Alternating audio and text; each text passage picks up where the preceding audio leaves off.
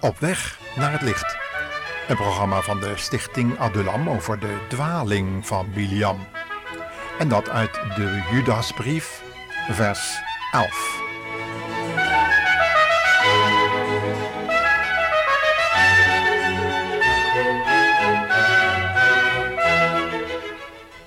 Hebt u dit ook wel eens, luisteraar? Dat u vol goede moed naar de een of andere lezing bent gegaan en halverwege die lezing bemerkte dat u in slaap was gevallen. U zult ongetwijfeld afgevraagd hebben of dat nu het gevolg was van uw oververmoeidheid, uw gebrek aan interesse of het onvermogen van de spreker om u te boeien. Het kan ook een combinatie geweest zijn van al die drie factoren. Maar heeft u wel eens rekening gehouden met die andere invloed die buiten u om is geweest? Speciaal wanneer u interesse hebt in religieuze overdenkingen waarin er van u een grote mate van aandacht wordt gevraagd, zoals tijdens dit programma, zijn er onzichtbare factoren actief die een beroep doen op uw waakzaamheid. Wetenschappelijk gezien betekent het dat u aandacht moet besteden aan de werking van uw linker hemisfeer, ofwel uw linker hersenhelft. Irene Braakman, u alle wel bekend hier in de Caribië, heeft hierover een interessant artikel geschreven in de kerstbijlage van Amigo en erop gewezen dat onze linker hersenhelft de zetel zou zijn van ons intellect. Dit gedeelte van onze hersenen controleert en relativeert volgens de wetenschap onze gevoelsmatige indrukken, de activiteiten die in ons verborgen zielenleven plaatsvinden, soms ons onderbewustzijn genoemd. Onze rechter hersenhelft zal volgens deze geleerde namelijk alle opgedane ervaringen en opgelegde normen opslaan, evenals de indrukken die men opdoet door het beluisteren van ritmische muziek, herhaalde eentonige klanken, bepaalde ritmische eentonig gezongen gezangen en bewegingen, flikkerende geluiden en een langdurig vaste of het uitblijven van prikkels. Hierdoor wordt de invloed van de intellectuele linker hersenhelft verminderd of zelfs uitgedoofd, mede door de invloed van alcohol en drugs. Ja, beiden hersenhelften hebben wij dus nodig. En met name dus die intellectuele linker hersenhelft moet al die gevoelsmatige indrukken die opgeslagen werden in onze rechter hemisfeer controleren en relativeren. En dat laatste, die invloed van alcohol en drugs, is niet mis te verstaan. Onder die laatste categorie zou men ook mystieke meditatietechnieken en ongecontroleerd overgeven aan de seksualiteit kunnen noemen. En bij al die wetenschappelijke ontdekkingen zijn we dan aangekomen bij de kern van dit programma. De bespreking van de geestelijke invloed waarvoor de Bijbel reeds waarschuwde in het boek Openbaringen en de Judasbrief namelijk de dwaling van Biliam. Religiositeit is de mensheid eigen. Het zit er als het ware ingebakken, zou je zeggen. En dat kan ook niet anders, want het eerste mensenpaar was ook diep religieus. Het had een diepe kennis van God de Schepper, uiteraard. Ze spraken met hem per dag en ze waren in staat om met hem te communiceren. Dat vermogen is de mens sinds die val van Adam en Eva kwijtgeraakt. En daarvoor moest de Heer Jezus komen om dat te herstellen. Het was door ongehoorzaamheid, onafhankelijkheid en het luisteren naar de stem van Satan, een van God afgevallen machtige engel. En daardoor verloor de mensheid het natuurlijke vermogen om met God en engelen te kunnen communiceren. Daarvoor in de plaats is de mensheid gaan zoeken naar alternatieven, zoals het maken van zichtbare afbeeldingen, die iets van dat verloren beeld van God zouden moeten vertonen. De profeet Ezekiel laat dat zien door een visioen te beschrijven dat hij van de troon van God had en wat daaronder te zien was. Datgene wat die troon van God droeg. Laten we het voor het verband maar eens lezen. Het staat in de profetie van Ezekiel, het eerste hoofdstuk, de eerste zeven versen. Vanaf vers 3 lezen wij dan op de vijfde dag van de vierde maand, toen ik dertig jaar oud was, ging plotseling de hemel voor mij open en zag ik visioenen van God. Dat was in het vijfde jaar van de ballingschap in Babel. Ik zag in dit visioen een zware storm uit het noorden op mij afkomen en die storm dreef een enorme wolk voor zich uit. Rond deze wolk schitterde een helle lichtglans, een vlammend vuur en daar middenin was iets dat blonk als goud. Toen verschenen uit het midden van die wolk vier vreemde gedaanten, die er als mensen uitzagen, afgezien van het feit dat elk wezen vier gezichten had en twee paar vleugels. Ze hadden rechte benen en hun voeten waren gevormd als de hoeven van een kalf en zij fonkelden als gepolijst koper en onder van hen vleugels, daar kon ik menselijke handen onderscheiden. Een vreemd visioen, vindt u ook niet? Het zou nog vreemder worden in vers 10, waar Ezekiel beschrijft hoe de wezens vier gezichten vertoonden. Een menselijk gezicht, gezicht van een leeuw, een stier en een arend. Al deze symbolische aanduidingen vinden we in dat religieuze gedoe van de wereldgodsdiensten terug.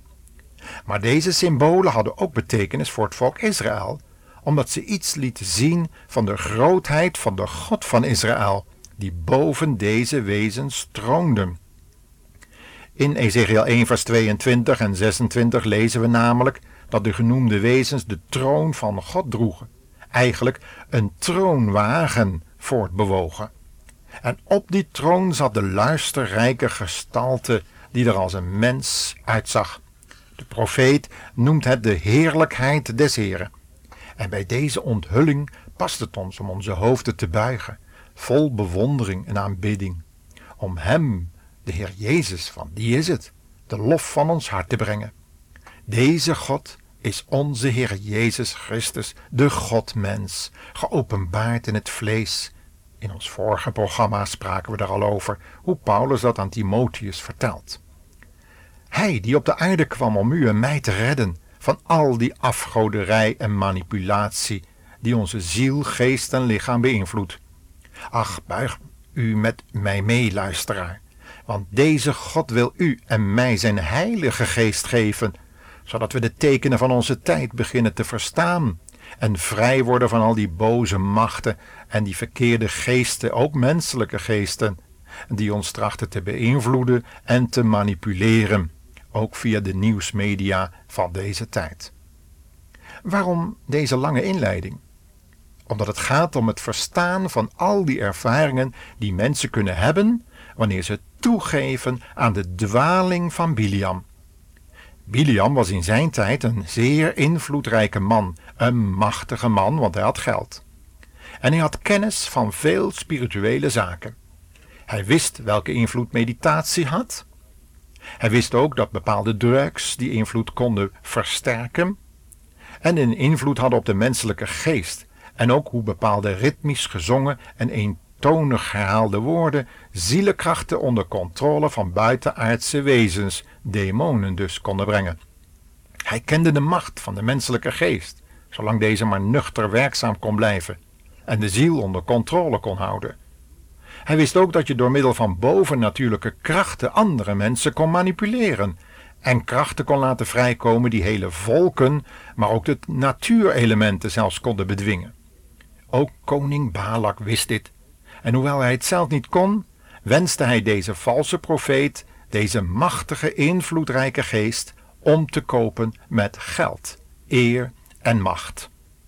Uit onze vorige uitzending begrepen we dat deze list niet lukte. En Biliam onder de machtige invloed van Gods heilige geest en onder directe controle van een van Gods sterke engelen het volk Israël zelfs moest zegenen.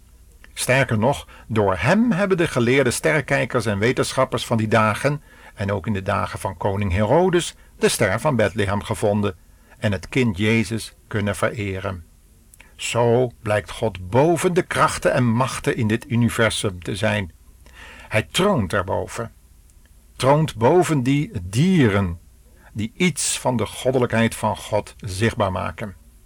Ja, Gods volk mag zich veilig in zijn handen weten zolang het zich echter maar niet afgeeft met datgene wat minder is dan God zelf. De heidenen hadden afbeeldingen nodig om het verloren godsbeeld enigszins vast te kunnen houden. Paulus zegt dat in Romeinen 1, vers 23. Leest u het maar met mij mee in het Nieuwe Testament.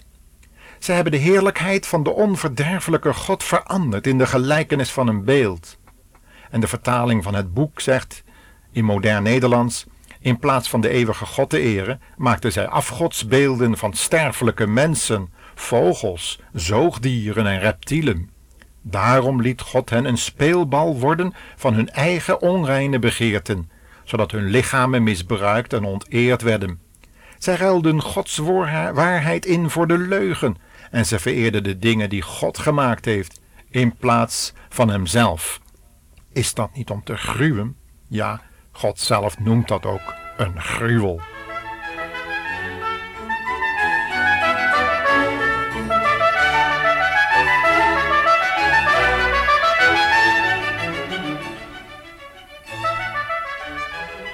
Ja, en nu zien we dan ook gelijk wat het betekent om te vervallen in de dwaling van Biliam.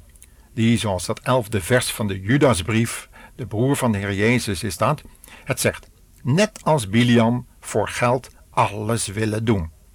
Tegen betaling wilde deze profeet, zoals we weten, een diep religieus mens en op de hoogte van het bestaan van een geestelijke wereld om ons heen, Gods volk best vervloeken.